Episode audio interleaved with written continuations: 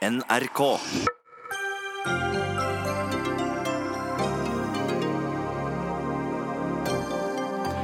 Erna Solberg holdt i ettermiddag sin første landsmøtetale siden den knusende valgseieren i fjor. Men hva handlet den egentlig om? Statsministeren og kommentariatet svarer i Dagsnytt 18.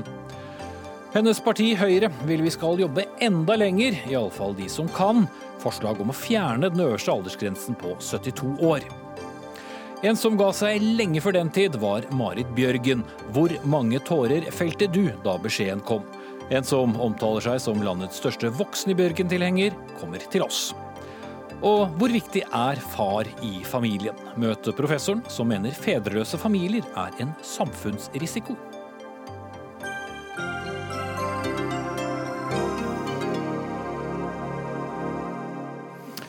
Dette er litt av menyen i Dagsnytt 18 denne fredagen med Espen Aas, og vi starter sendingen med norsk politikk.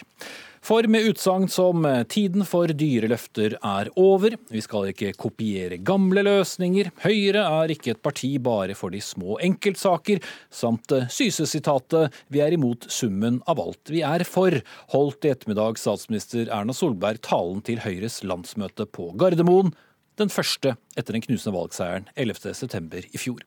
Og Erna Solberg med oss fra landsmøtesalen. Du oppsummerte deler av dine 40 år i norsk politikk, men hva er eh, egentlig ditt store politiske prosjekt fremover? Hvilken del av talen handlet om det? Det handlet jo først og fremst den delen som dreier seg om at vi må ha svar på det som er de nye utfordringene i dag. Hvis vi skal eh, klare å sørge for at alle mennesker kan ha en mulighet til å lykkes i vårt samfunn, så er integrering, inkludering og uh, det å satse på kompetanse helt avgjørende. Ja, nå får du en del musikk å øh, konkurrere med i bakgrunnen, hører vi. Men i alle fall, så er det eh, altså slik at eh, det er også mindre penger å rutte med i årene som kommer. Det var det også innom i talen. Er landet og regjeringen rustet godt nok til å møte eldrebølgen? Jeg mener at vi har en mulighet til å klare dette. Det dreier seg selvfølgelig om at vi må jobbe mer totalt sett i den norske befolkningen. Det betyr at flere av de som står utenfor arbeidslivet, må vi få inn igjen i jobb.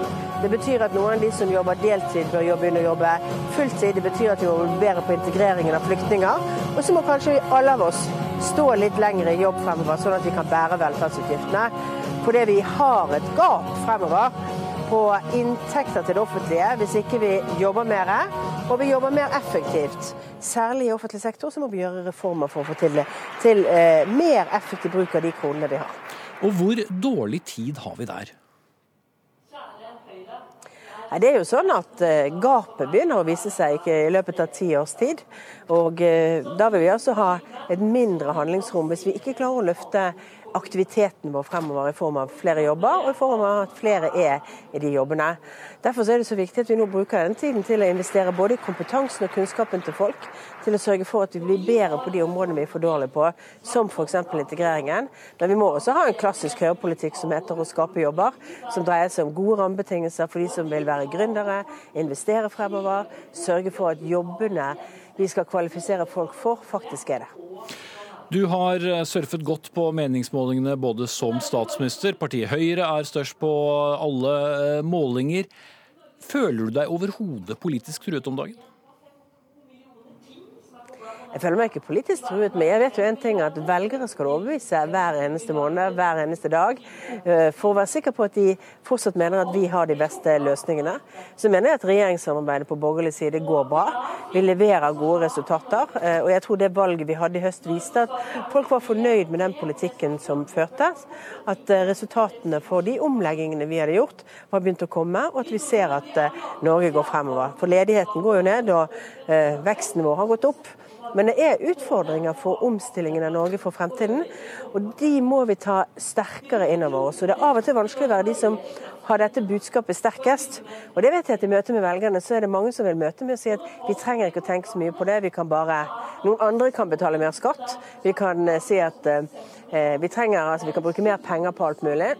Men det er ikke svarene for Norges store utfordringer for fremtiden. Det er faktisk arbeid, inkludering kompetansesatsing som er de viktigste sakene. En del av talen din som ble lagt litt merke til i dag, var følgende.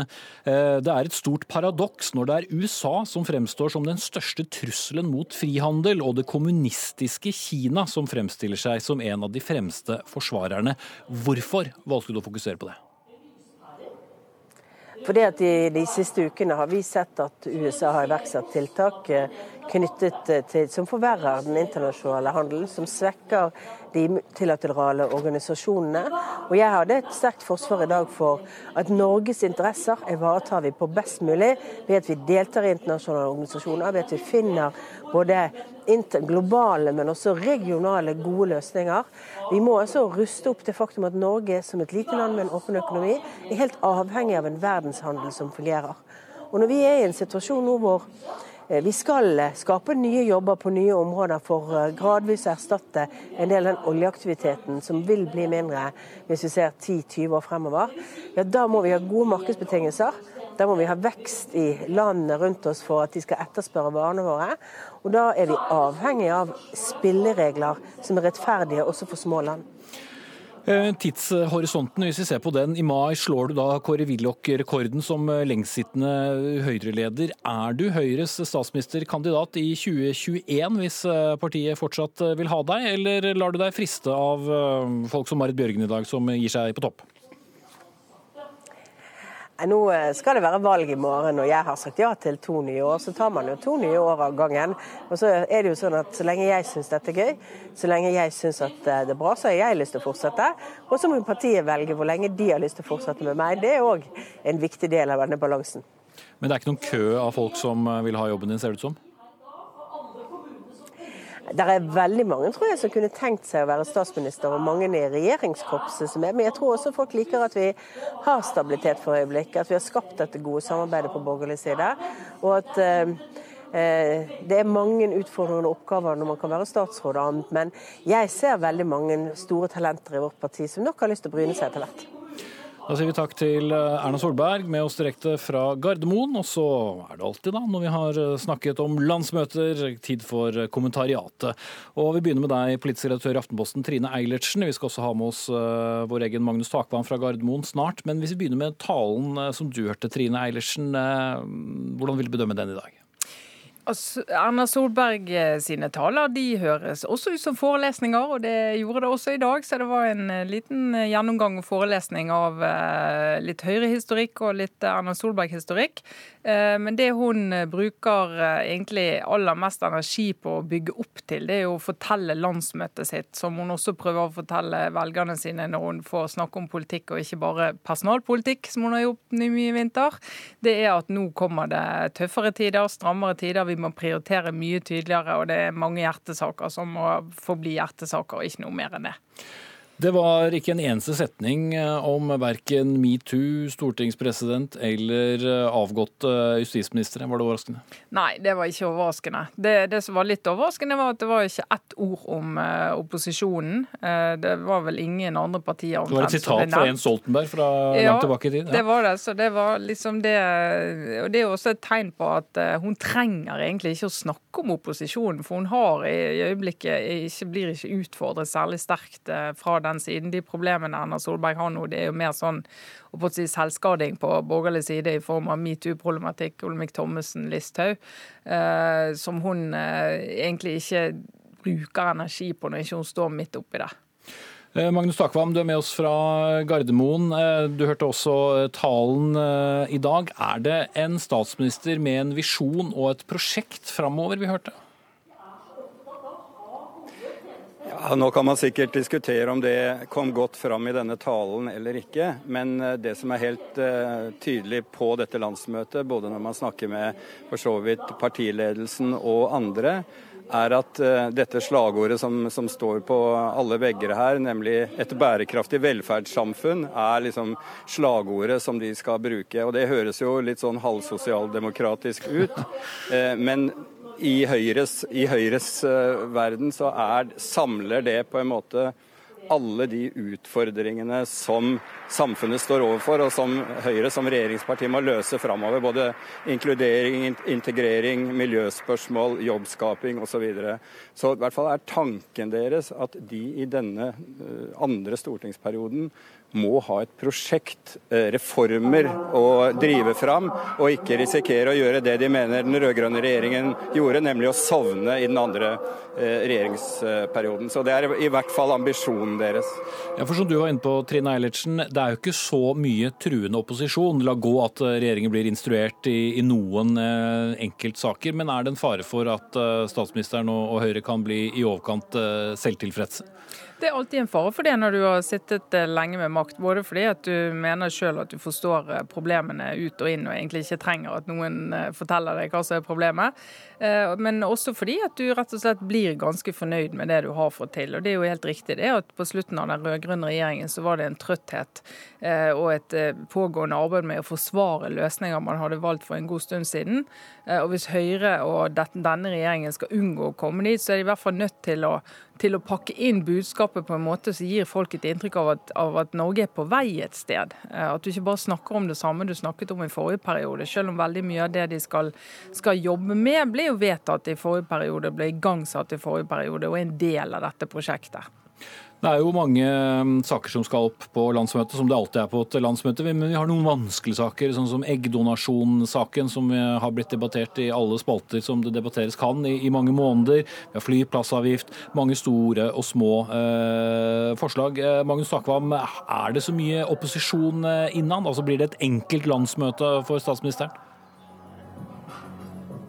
Nei, eh, bare før jeg svarer helt konkret på det, så, så, vil jeg bare legge til i forlengelsen av det dere snakket om, at ambisjonen til Erna Solberg og Høyre nå, med dette slagordet som jeg bl.a. snakket om dette prosjektet, er faktisk å bli eh, det store styringspartiet i Norge. Ta det hegemoniet fra Arbeiderpartiet. Og man snakker helt åpent og uten blygsel her om å kunne vinne valget for tredje gang i 2021. Bare for å ha sagt det. Det er et veldig ambisiøst parti som, som, sitter her på Gardermoen og diskuterer. Når det gjelder de interne konfliktene på landsmøtet, som du spør om, så er det i hermetegn ufarlige konflikter. Det er en veldig interessant eh, debatt internt i Høyre om verdispørsmål som eggdonasjon eh, og, befruktning for enslige eh, osv.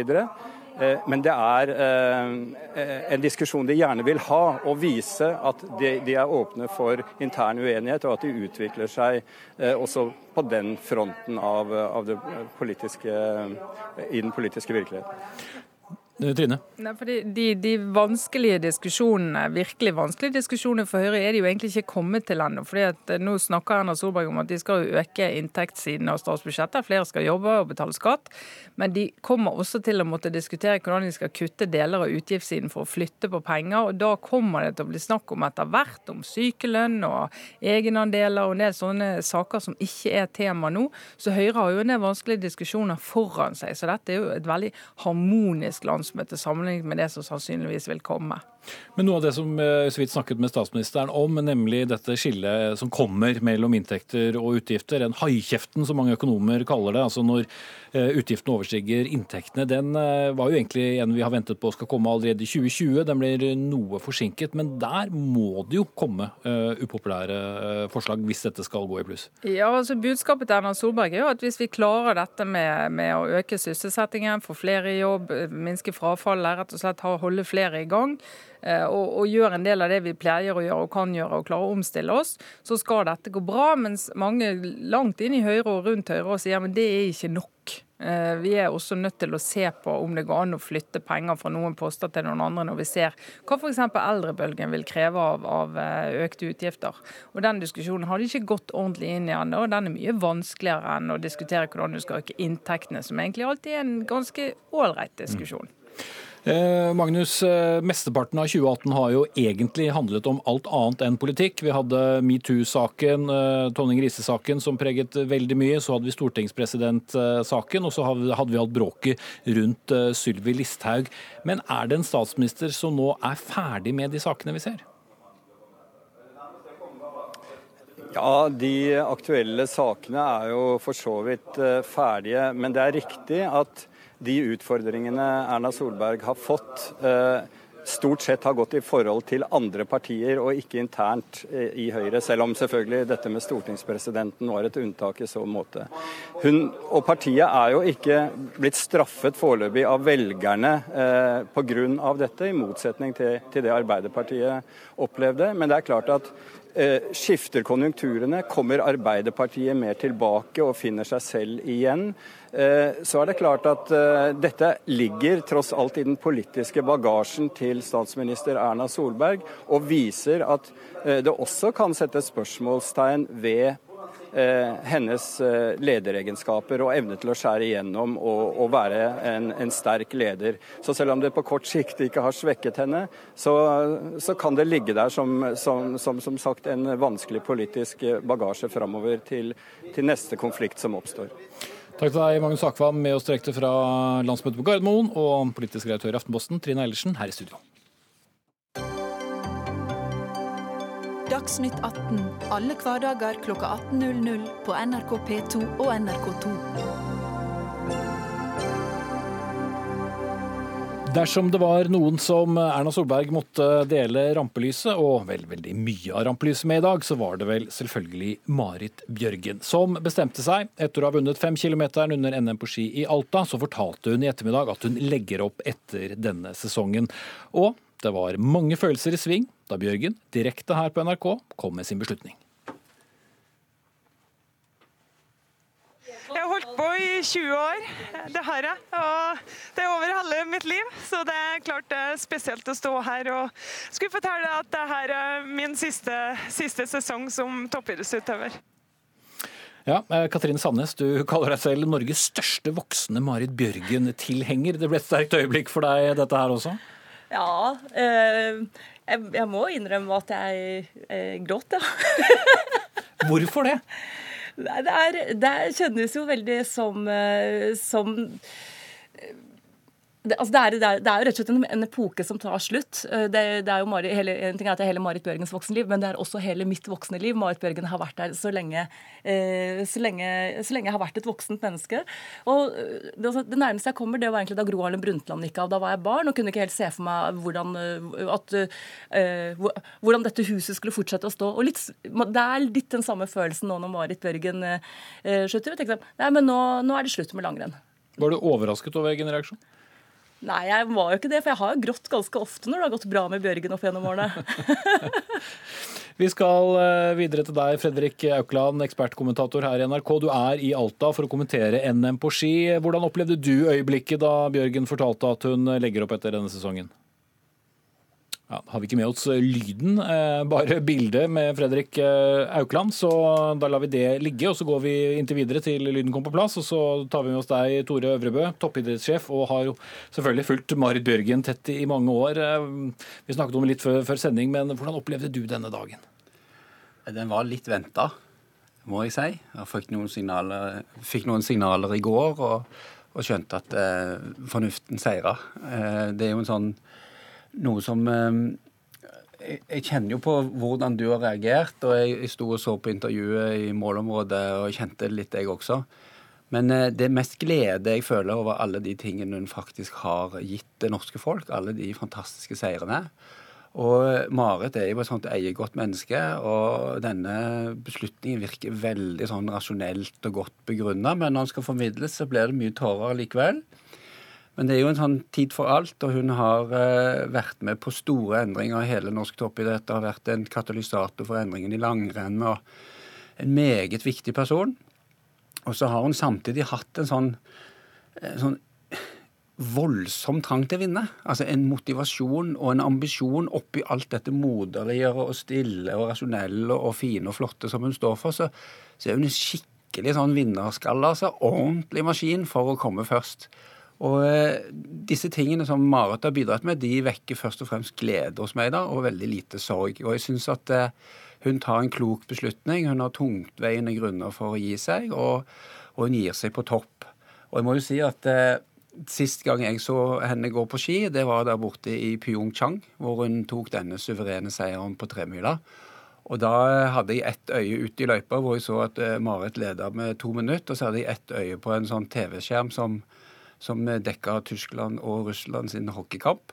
Og da vant jo Russland først, og da kunne Norge vinne OL.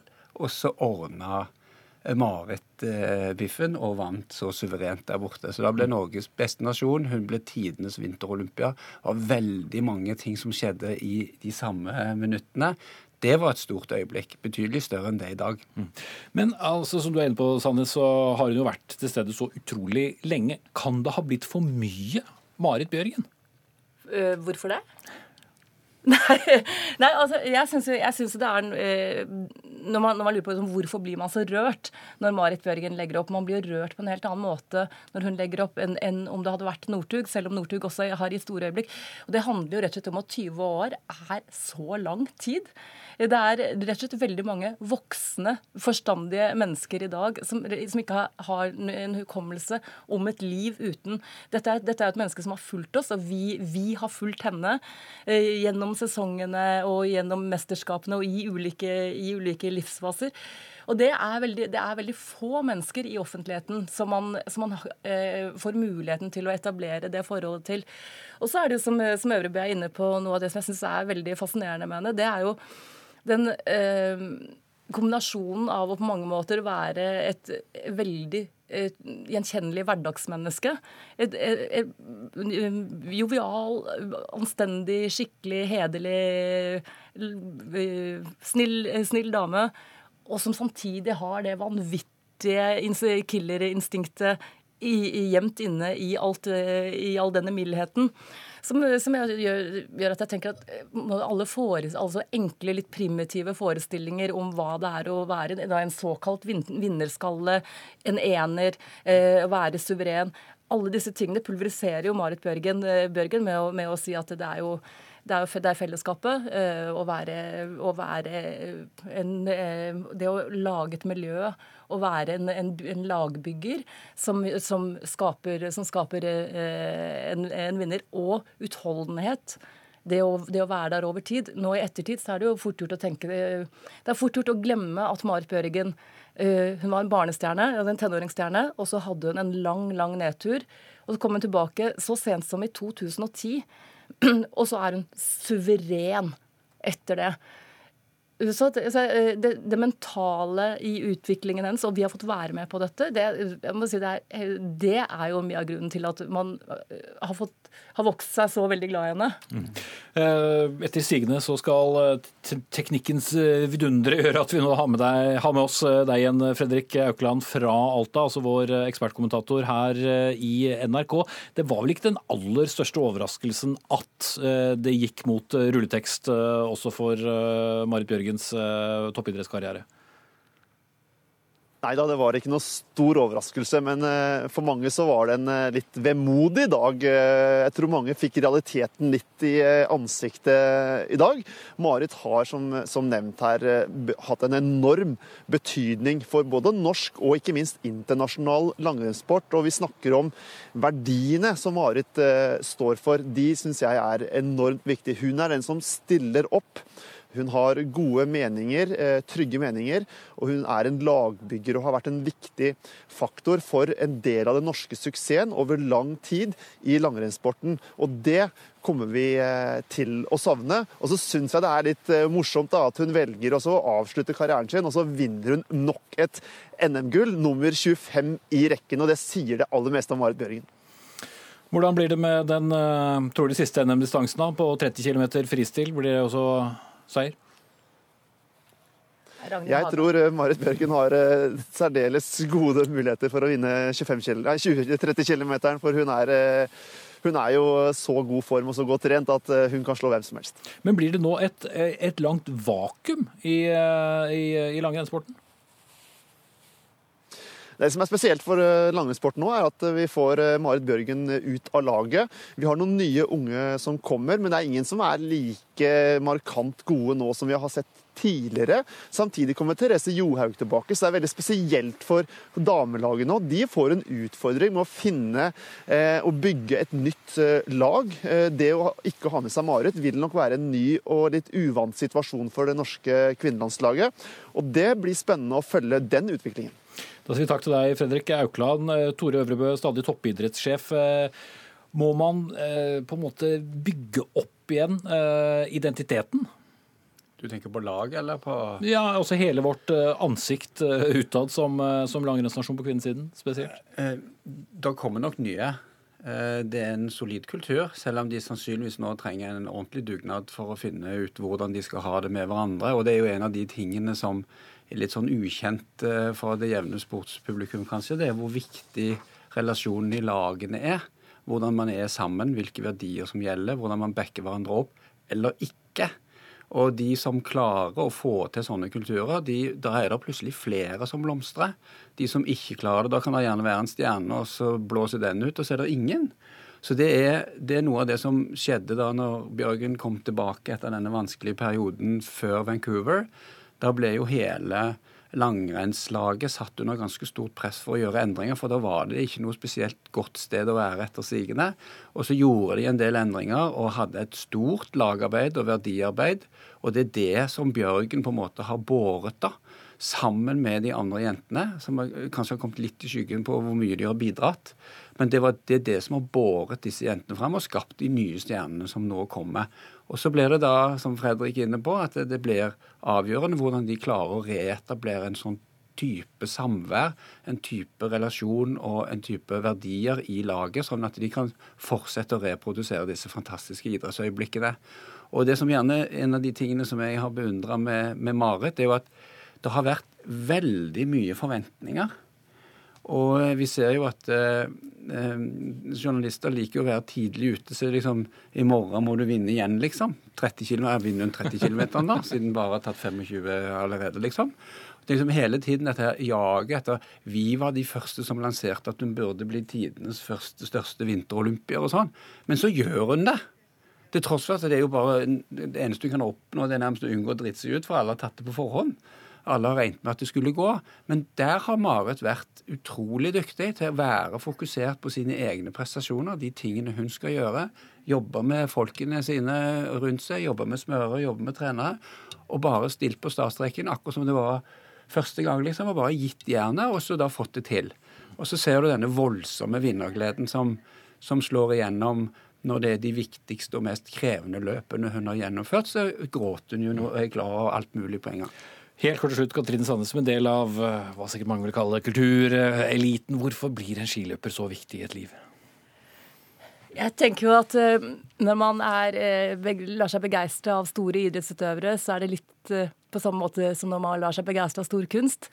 Og det er, det er rett og slett dette, dette løftet Eh, og gleden og undringen over alt det fantastiske, enestående, det menneskelige kan være i stand til å, ute, å være og gjøre og, og, og, bli.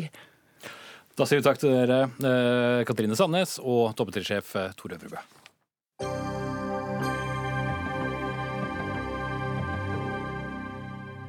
Så skal det snarere handle om andre som nok eh, kanskje ikke kan legge opp eh, så tidlig som eh, Marit Bjørgen. Men hvorfor skal arbeidsgivere i dag kunne bestemme at f.eks. prester, professorer og forskere er for gamle til å utøve sitt yrke ved fylte 72 to år? Ja, Det er spørsmål som et Høyre-utvalg stiller, og mener at det må bli slutt på. Det kunne vi høre i NRK Dagsnytt i morges. For knappe tre år siden ble aldersgrensen i arbeidsmiljøloven hevet fra 70 til 72 år. Og Heidi Nordby Lunde, stortingsrepresentant og leder i Høyre-utvalget og andre nestleder i Stortingets arbeids- og sosialkomité. Du er med oss fra landsmøtet på Gardermoen, og den eh, aldersgrensehevingen eh, var nok ikke for deg, eh, for du har ledet utvalget i Høyre som vil fjerne denne, altså, og erstatte den med en individuell vurdering. En dialog mellom arbeidstaker og arbeidsgiver, som eh, det heter. Får du med deg flertallet på landsmøtet til å fjerne dette taket? Ja, det ser faktisk ut til at vi kommer til å få flertall for akkurat dette. Det var stor debatt om å heve aldersgrensen fra 70 til 72, men bare på, på to-tre år så ser vi altså at holdningene allerede er i ferd med å endre seg til eldre arbeidstakere i arbeidslivet. Og nå ønsker vi å gå, gå videre med å fjerne den eh, grensen, som ikke egentlig er en, en, en grense som sådan i arbeidsmiljøloven, men ved fylte 72 kan arbeidsgiver si opp eh, arbeidstakere uten saklig grunn. Så de eldre arbeidstakerne mister altså stillingsvernet sitt ved fylte 72, og det er den vi ønsker å fjerne. Så bare for å få presisert dette, alle som nå tenker uansett yrke, hjelpes meg, skal det aldri være noen mulighet til å pensjonere seg. Hva sier du til dem, og hva er meldingen til de som tenker jeg vil jobbe til jeg nærmest dør med, med støvlene på? De vil ikke gi noen automatisk rett til å bli værende i jobb så lenge du vil? Nei, altså det er, jo, det er, jo, begge deler. For det første så kommer folk til å fortsatt kunne pensjonere seg allerede ved, ved, 62. Og det finnes også andre særaldersgrenser av hensyn til helse og, og sikkerhet. Og de opprettholder vi jo. Dette her er jo for arbeidstakere som ønsker å stå lenger i arbeidslivet, og det vil vi jo. Men også for arbeidsgivere som ønsker å beholde de som de tross alt har investert ganske mye penger i. Og jeg tror at det noe med, har noe med holdningen å gjøre. fordi at Hvis man vet at en arbeidstaker skal ut av jobben om et år, eller arbeidstakeren tror at de får en oppsigelse om et år, så begynner man å forberede seg på det. Nå sier vi at man heller gjør det omvendt. Da får man ta den samtalen. Og så er du kvalifisert til du ikke er det. Og det er opp til arbeidsgiveren å da vite om arbeidstakeren fortsatt skal stå i arbeid eller ikke. Og det er ikke noe rett til samme stilling ut resten av livet. Hvis du har mistet kvalifikasjonene dine, så har eh, arbeidsgiveren selvfølgelig rett til å si det opp. Kirsti Bergstø, nestleder i SV. I morges sa du i våre radiosendinger at forslag fra Høyre kan føre til økt press på yrkesgrupper der arbeidstakeren ikke engang orker jobbe fram til vanlig pensjonsalder. Hva, hva legger du i det? Altså For det store flertallet i norsk arbeidsliv så går man ikke rundt og verken drømmer om eller tenker at det er realistisk å jobbe til langt ut i 80-åra. Hvis du løfter på unger hver dag, hvis du er i pleie med eldre og eh, omsorgstrengende, hvis du eh, rengjør eller jobber i butikk eller sørger for at søpla blir henta, så er det ikke realistisk å jobbe til både 70-, 80- og 90-åra. Eh, så det her er jo en eh, debatt som ikke angår det store flertallet, men som vil bidra til et press på det store flertallet og på arbeidslivet. Men er det sånn at arbeidstakere på dødelig vil holde på så mange arbeidstakere etter hvert som de blir eldre? da? Unnskyld, hva sa du? Altså, Er det sånn at arbeidsgivere egentlig vil holde på så mange eldre arbeidstakere? Altså, det er jo det vi frykter. Vi frykter jo at hvis man fjerner aldersgrensa, eh, så vil eh, arbeidsgivere vegre seg enda mer eh, for å ansette yngre seniorer. Og vi er opptatt av at de som er 60-åra i arbeidslivet, skal slippe å oppleve aldersdiskriminering sånn som i dag, og at de som faktisk kan jobbe til man går av med pensjon, får oppleve det. Eh, og Det er jo derfor SV eh, er kritisk til det her, på samme måte som Arbeidstilsynet var kritisk til at endringa gikk fra 70 til 72 år, fordi man frykter at diskriminering av eldre i arbeidslivet skal øke. Heidi Nordby Lunde, hva da om vi får en, en, rekke, eller en rekke, i hvert fall en del propper da i systemet som vil stenge for nye og yngre krefter? Hvordan svarer du på den utfordringen? Du, noen av argumentasjonene jeg har hørt i løpet av dagen mot dette forslaget, er, minner jo egentlig mye om argumentasjonen mot å få flere kvinner ute i arbeidslivet på 50-tallet. Eh, det ville bli færre jobber å fordele på flere arbeidstakere, og man eh, ville få større konkurranse. Jeg mener jo at hvis man nå har eldre arbeidstakere som er godt kvalifisert til å stå i den jobben de, de har, arbeidstaker og arbeidsgiver ønsker at man skal bli stående, så fjerner vi nå grensen for det. Men det SV argumenterer for, er jo at folk som vil jobbe kan bli sagt opp uh, uten saklig grunn. Vi vil bare rett og slett endre dette til at uh, eldre arbeidstakere også har det samme stillingsvernet som oss andre, nemlig at det skal en saklig begrunnelse til for å bli sagt opp, og ikke en forventning om at du skal gå, eller en forventning om at du skal få bli hvor, uh, hvor lenge du vil. Og De som har hatt de tunge yrkene, de tunge løftene, har selvfølgelig mulighet til å kunne pensjonere seg. Vi skal til et av dem nå. Eli Gunhild By, du er forbundsleder i Norsk Sykepleierforbund. Snittalderen for de som pensjonerer hos deg er langt unna 72, den er 57 år. Men hvorfor er du da imot å droppe denne aldersgrensen? Det vil vel knapt gjelde dere? Nei, Men det store problemet gjelder jo ikke eh, i det forslaget her, gjelder jo, eh, og det problemet vi har i arbeidslivet gjelder jo ikke dem som er over 70 år. Det store arbeidsmarkedet, der eh, sykepleiere er en av sliterne ute i arbeidslivet, de går av altså når de er 50 eller 57 år, en gjennomsnittlig avgangsalder. Og Da er det viktigere at vi tar tak i problematikken og klarer å få dem til å stå lenger. Sånn at vi skaper arbeidsforhold og arbeidsplasser som gjør at vi klarer å ivareta det. Eh, det er den store utfordringa Norge står overfor, for vi trenger den arbeidskrafta sårt fremover. Men da er det vel også vel så godt at det ikke er noe tak, så at man ikke presser folk som vil jobbe lenger ut av arbeidslivet? Vi var helt klare på det eh, den gangen eh, eh, grensa ble flytta fra 70 til 72 år. Eh, der er vi fortsatt. Det handler også om at de som har hatt et langt og godt arbeidsliv, skal ha et, en verdig avgang fra arbeidslivet også. Og du har mulighet til å ta opp og ha samtaler med arbeidsgiver og stå lenger hvis det er det du ønsker, også i det regelverket som er der i dag.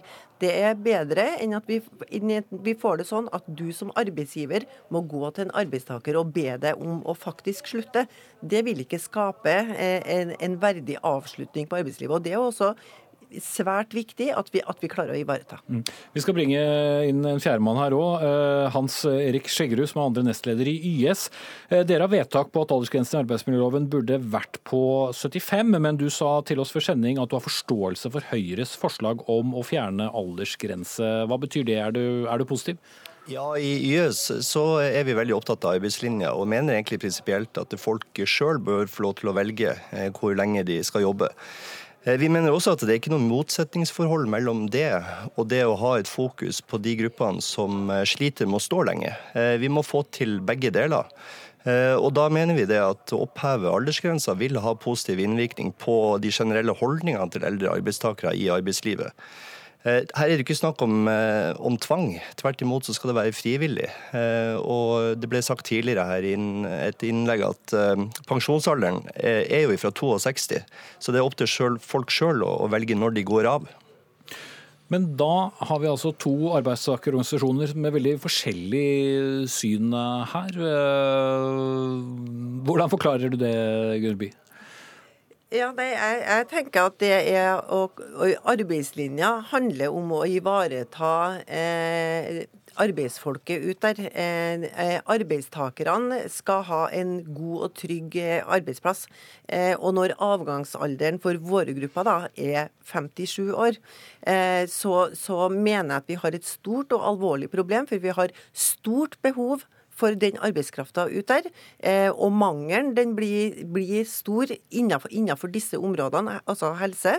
Eh, og da må vi klare å tilrettelegge og bruke energien vår på det, eh, og lage politiske vedtak som gjør at vi løfter det istedenfor å gå den andre veien. Men utelukker det ene det andre? Så, ut ifra våre medlemmers behov, så er de helt tydelige på at, at, Eller så er vi helt tydelige på i den store massen her, så må vi bruke tid og krefter og energi på å få folk til å stå lenger i jobb. Men da gjelder det altså før du faktisk går av med, med pensjon. Og det er det politikere må nødt til å ta tak i. Mm. Kirsti Bergstø, tilbake til deg. Men Betyr det også at uh, folk som uh, sier at de vil jobbe etter 72, da ikke skal få regne med det, eller hvor, hvor, vil dere ende? Men det er jo ingen som vil hindre folk i å jobbe lenger, hvis at man sjøl er arbeidsgiver. Ja, men det, det, i arbeidsmiljøloven står det ikke at det er forbudt å jobbe etter 72. Det står at man har anledning til å bli sagt opp etter da. At man ikke har krav. Man har ikke Eh, men man, man stiller jo dårligere samme, hvis arbeidsgiver ikke vil det. Man har ikke det samme vernet. Eh, men eh, hvis man fjerner eller hever den aldersgrensa, så vil man jo også en forventning om at man skal stå lenger i jobb. Og jeg skjønner at YS har en aldersgrense på 75 som sitt mål, fordi at det er så lenge man kan ha opptjening i folketrygda. Eh, men her kommer vi inn på en politikk som vil øke forskjellene eh, i samfunnet betraktelig. Fordi at det er veldig stor forskjell på eh, akademikere som kan stå lenge i arbeid, og sliterne som må gå tidlig av fordi helsa ikke holder. Og vi vet jo at pensjon blir levealdersjustert. Det er for slår inn for fullt om få tiår. Eh, og det betyr i praksis at man får mindre utbetalt eh, i, i fremtida, eh, og at de som lever lenger, går av med en større andel av den kaka enn dem som jobber i sliteryrkene og dør tidligere. Så her er det jo snakk om hvordan er det vi skal innrette et samfunn. Og jeg lover Heidi Nordby Lunde og Høyre å virkelig stå i kampen for at ressurssterke akademikere skal jobbe så lenge de vil, så lenge de er med meg og SV og fagbevegelsen i kampen på at sliterne skal ha en reell mulighet for å gå av som 62-åringer med en pensjon man kan leve av. For sånn ser det ikke ut nå. Hans Erik Skjeggerud i YS, til slutt, er du enig i den beskrivelsen av hva slags arbeidsliv dere kan være med på å heie frem?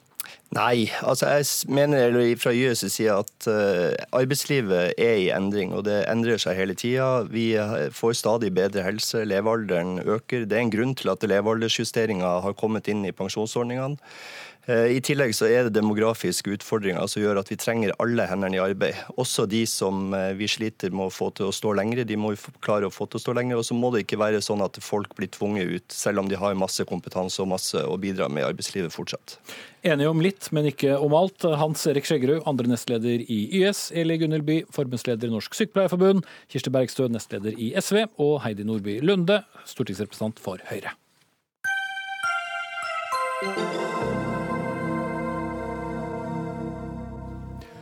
Statens vegvesen har siden 2015 blitt saksøkt mer enn 30 ganger fra entreprenører som mener at staten skylder dem penger for veiarbeid.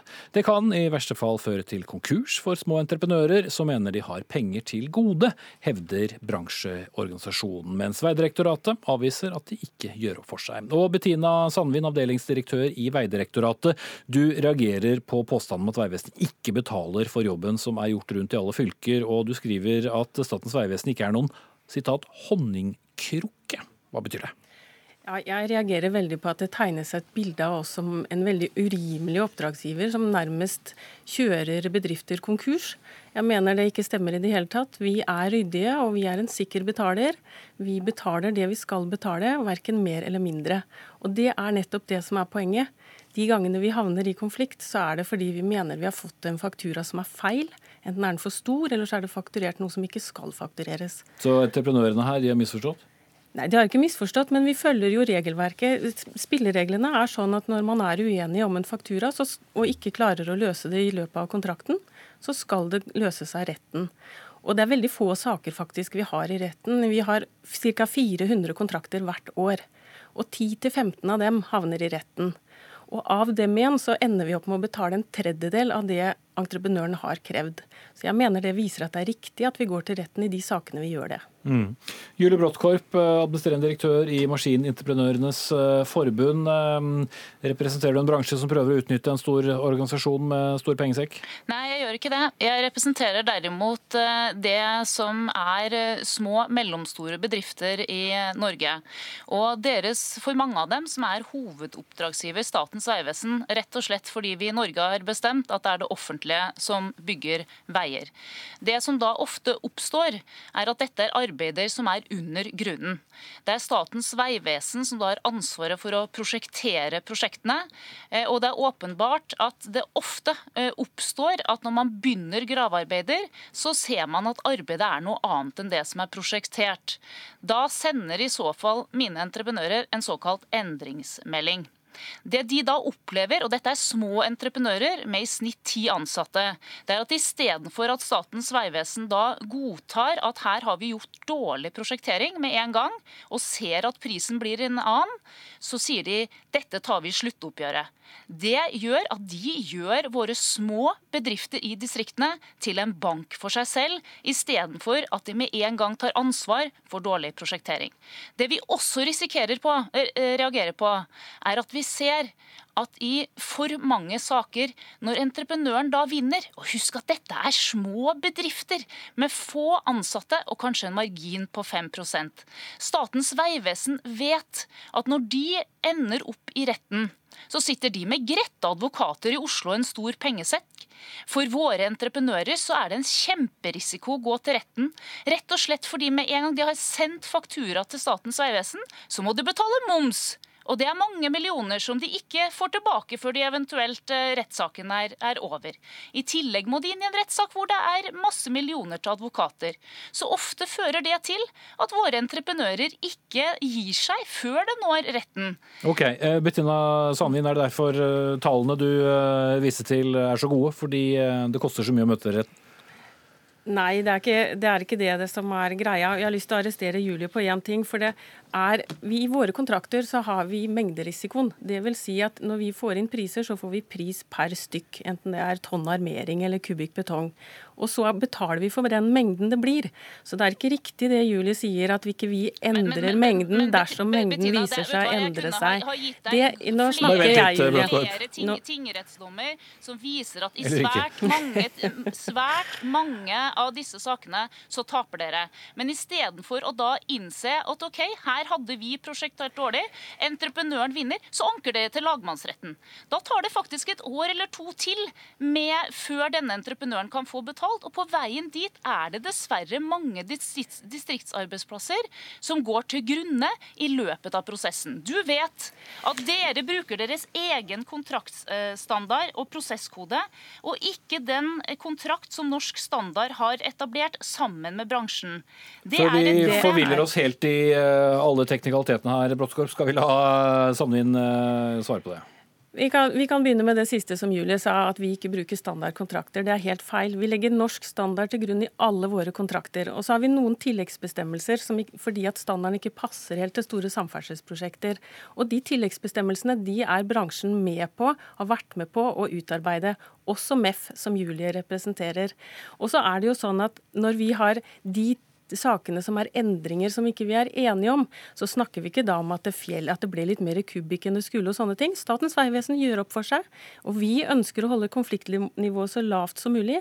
Men rett skal være rett. Vi skal ikke betale mer enn det som er riktig i tråd med kontrakten. Men du ser poenget med at det er lettere å være store, eh, rike Statens vegvesen hvis det er lange rettsprosesser enn en liten entreprenør eh, i et eh, fylke langt unna? Lange rettsprosesser er slitsomme og tunge for alle, men tallene viser helt klart at vi har betalt en tredjedel av det som entreprenøren krevde når den la inn stevning. Og da mener jeg det er riktig at ikke vi betalte den opprinnelige fakturaen, som altså da var tre ganger større enn den viste seg å skulle være. Mm. Skal vi ikke heller drive med veldedighet eh, fra Vegvesenets side? heller? Da, nå, det er ikke noe veldedighet eh, vi her eh, snakker om. Det vi snakker om er viktige eh, distriktsarbeidsplasser som opplever at de havner i, i tvister eh, ut ifra eh, at Statens vegvesen ikke, når det viser seg at de som står for prosjekteringen, har gjort det arbeidet med for dårlig kvalitet, ikke får eh, betalt. Vi opplever også det at det er samme person i Statens vegvesen som da har ansvaret for prosjekteringen, som da har gått feil, som har ansvaret for om saken eh, skal ankes eller ikke, hvis vår entreprenør vinner i tingretten. Det, det, må, det, må, kunne være mulig at man her har andre personer som kommer inn, og som kan se mer eh, objektivt eh, på det. det Men er... Eh, veldig interessant å høre på at dere har så fullstendig motstridende oppfatninger av, av denne saken.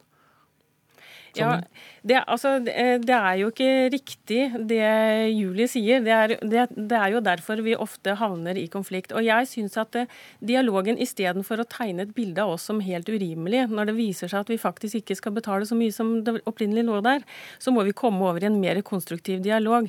Og vi i Statens vegvesen har innført mange tiltak for å prøve å holde konfliktnivået så lavt som mulig. Og jeg ønsker å ha MEF med på det laget, istedenfor at de skal svartmale oss på denne måten. Det høres ut som dere har en liten vei å gå der der. Jeg må sette strek. Takk til Julie Bråttkorp, direktør i Maskinentreprenørenes Forbund, og Bettina Sandvin, avdelingsdirektør i Statens vegvesen. Hør Dagsnytt 18 når du vil. Radio NRK Radio.nrk.no. Om eh, mødre er aldri så omsorgsfulle, så kommer de til kort som rollemodeller og identitetsfigurer for gutter som har mye testosteron i kroppen. Gutter de skal bli menn, men ikke voldsmenn, skriver du, professor emeritus i sosiologi ved Universitetet i Oslo, Sigurd Skirbekk. Litt av en hilsen til eh, alenemødre her? Ja, du, Det var det ikke meningen skulle, akkurat var det som adressaten, da. Men det jeg skulle si var nærmest at politikere kan ikke regne med at det skal være nøytralt og, og, og, og skal vi si, sammenstille samboende og eh, ektefeller i samme gruppe. Og her bør en ha mer forskning på det her. Altså, det ja, for du frykter bortfallet av, eh, av farsfiguren? Eh, ja, du, jeg gjør i grunnen det. Men altså eh, eh, For det første begynner slik. Altså, i USA så er det noe slik som at 80% av alle som har svart på en gallupundersøkelse der, eh, sa at eh, faderless America, altså det fravær av fedre, det er det største samfunnsproblemet i USA i dag.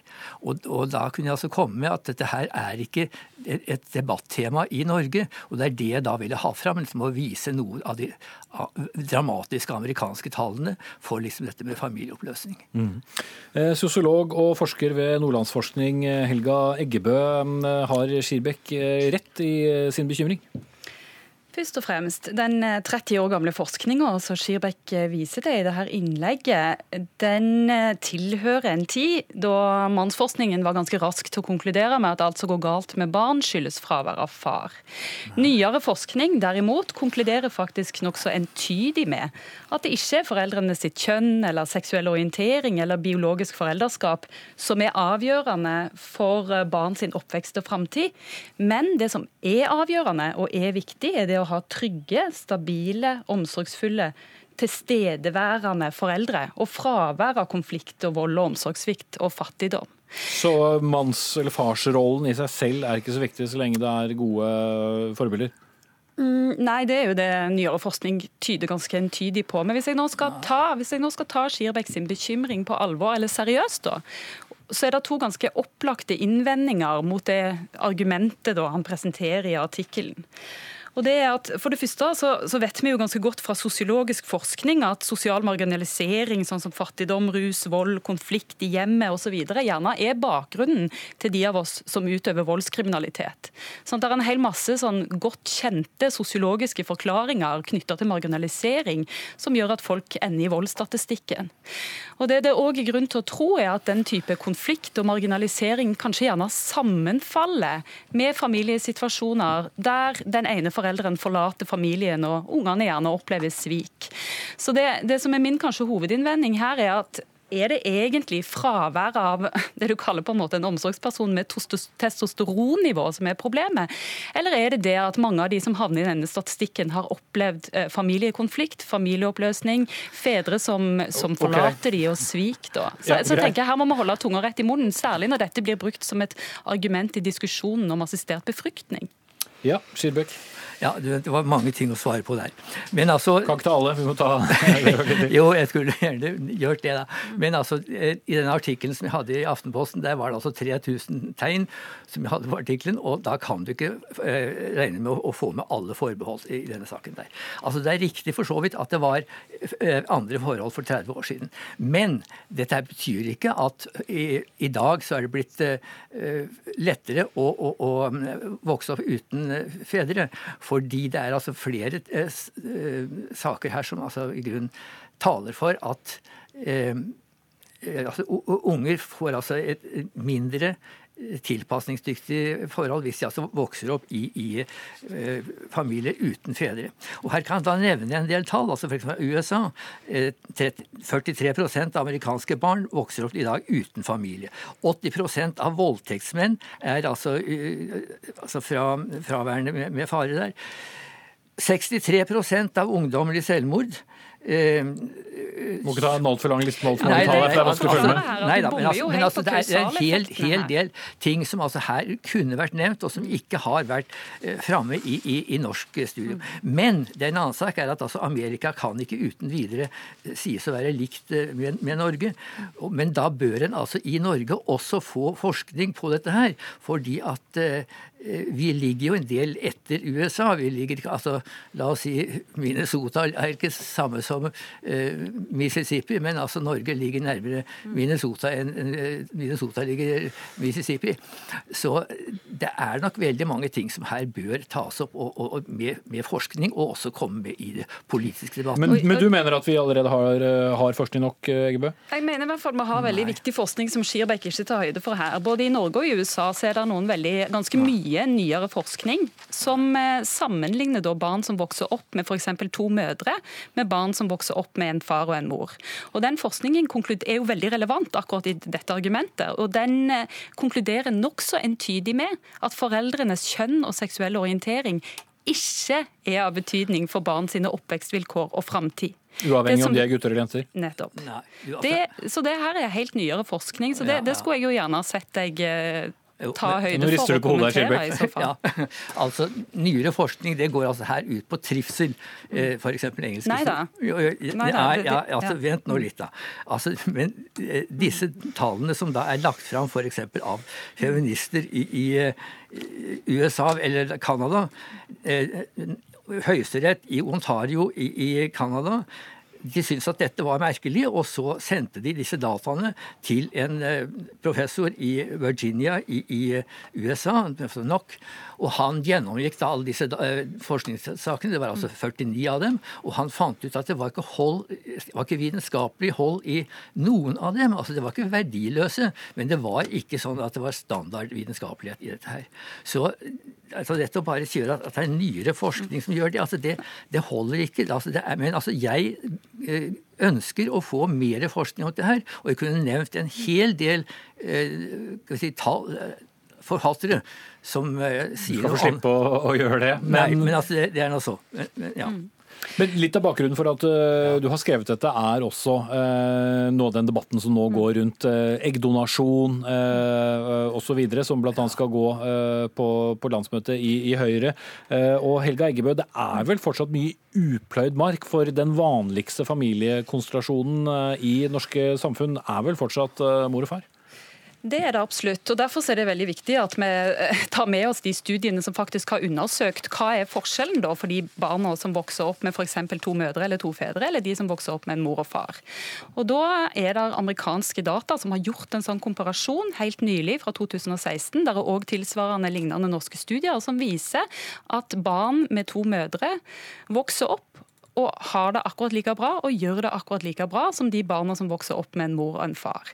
Det studien viser er avgjørende, er det der vi har trygge og stabile og emosjonelt tilstedeværende foreldre. Men én ting som er veldig viktig, siden Skirbekk både trekker opp den der diskusjonen i offentligheten og deltar i den, er at noe som, som kommer fram av de her studiene, er at barn som vokser opp med f.eks. to mødre, opplever at de alltid og stadig vekk må forsvare sine familieliv. Nettopp fordi vi har denne her type debatter. Og folk som på en måte prøver å hevde at eh, det er dårligere eller at det er skadelig å vokse opp uten en far eller med to mødre. Så den, De diskusjonene og de beskyldningene som jeg mener at eh, den forskningen Skirbekk viser til at det faktisk ikke er så godt hold i, de oppleves jo i seg selv altså, som belastende. Her, Egebø, men, men Skirbekk, det er jo mange mannlige rollemodeller å finne i barnehage, på skole, mor og far jobber med. Er det ikke det som er poeng? Det er helt riktig. Men altså Altså Gutter eh, kan ikke bare ha en rollemodell i en barnehage og slike ting. Mm. Altså Det er avhengig av en far, som da altså skal være en mann som forholder seg til en bestemt måte til en kvinne. Men det er rett og slett altså, ikke barnas kjønn, altså, altså foreldrenes kjønn, som er avgjørende? Altså, her er det også eh, ganske viktig å se hvordan er det en eh, gutt vokser opp. Og der kan en godt si at i de første årene eh, som en er på skrikestadiet, så er mødre kanskje bedre for å kunne tolke ikke-verbal kommunikasjon. Men sånn fra femårsalderen så er det si, viktig for gutter å gå gjennom tre stadier. Det ene er dette med bindingsstadiet. altså du skal, skal si, binde deg til en fars autoritet. Det andre er dette med frigjøring, som kommer da gjerne i puberteten. Og det tredje stadiet er dette med at du skal få et avbalansert forhold til liksom, din far. Men altså, her er det eh, ting som altså mødre ikke kan skal vi si, De kan ikke være eh, rollemodeller for gutter på alle nivåer. Så, så det, det, dette her er det veldig mye forskning på. og eh, Jeg kan ikke komme inn på alt sammen her, men jeg vil nok si at dette er forenklet fra hun andre. Ja, Hun andre, det er deg, det er Helga Eggebø. Jeg er redd jeg må sette strek, for klokken den går mot slutten. Eh, Helga Eggebø, sosiolog og forsker ved Nordlandsforskning, og også Sigurd Skirbekk her i studio, professor emeritus i sosiologi ved Universitetet i Oslo. Denne ukens siste Dagsnytt 18 er straks ved veis ende, den nemlig. Ansvarlig for den Arnhild Myklebust, teknisk ansvarlig Erik Sandbråten, og her i studio Espen Aas. Dagsnytt 18 er tilbake igjen som alltid og som vanlig førstkommende mandag.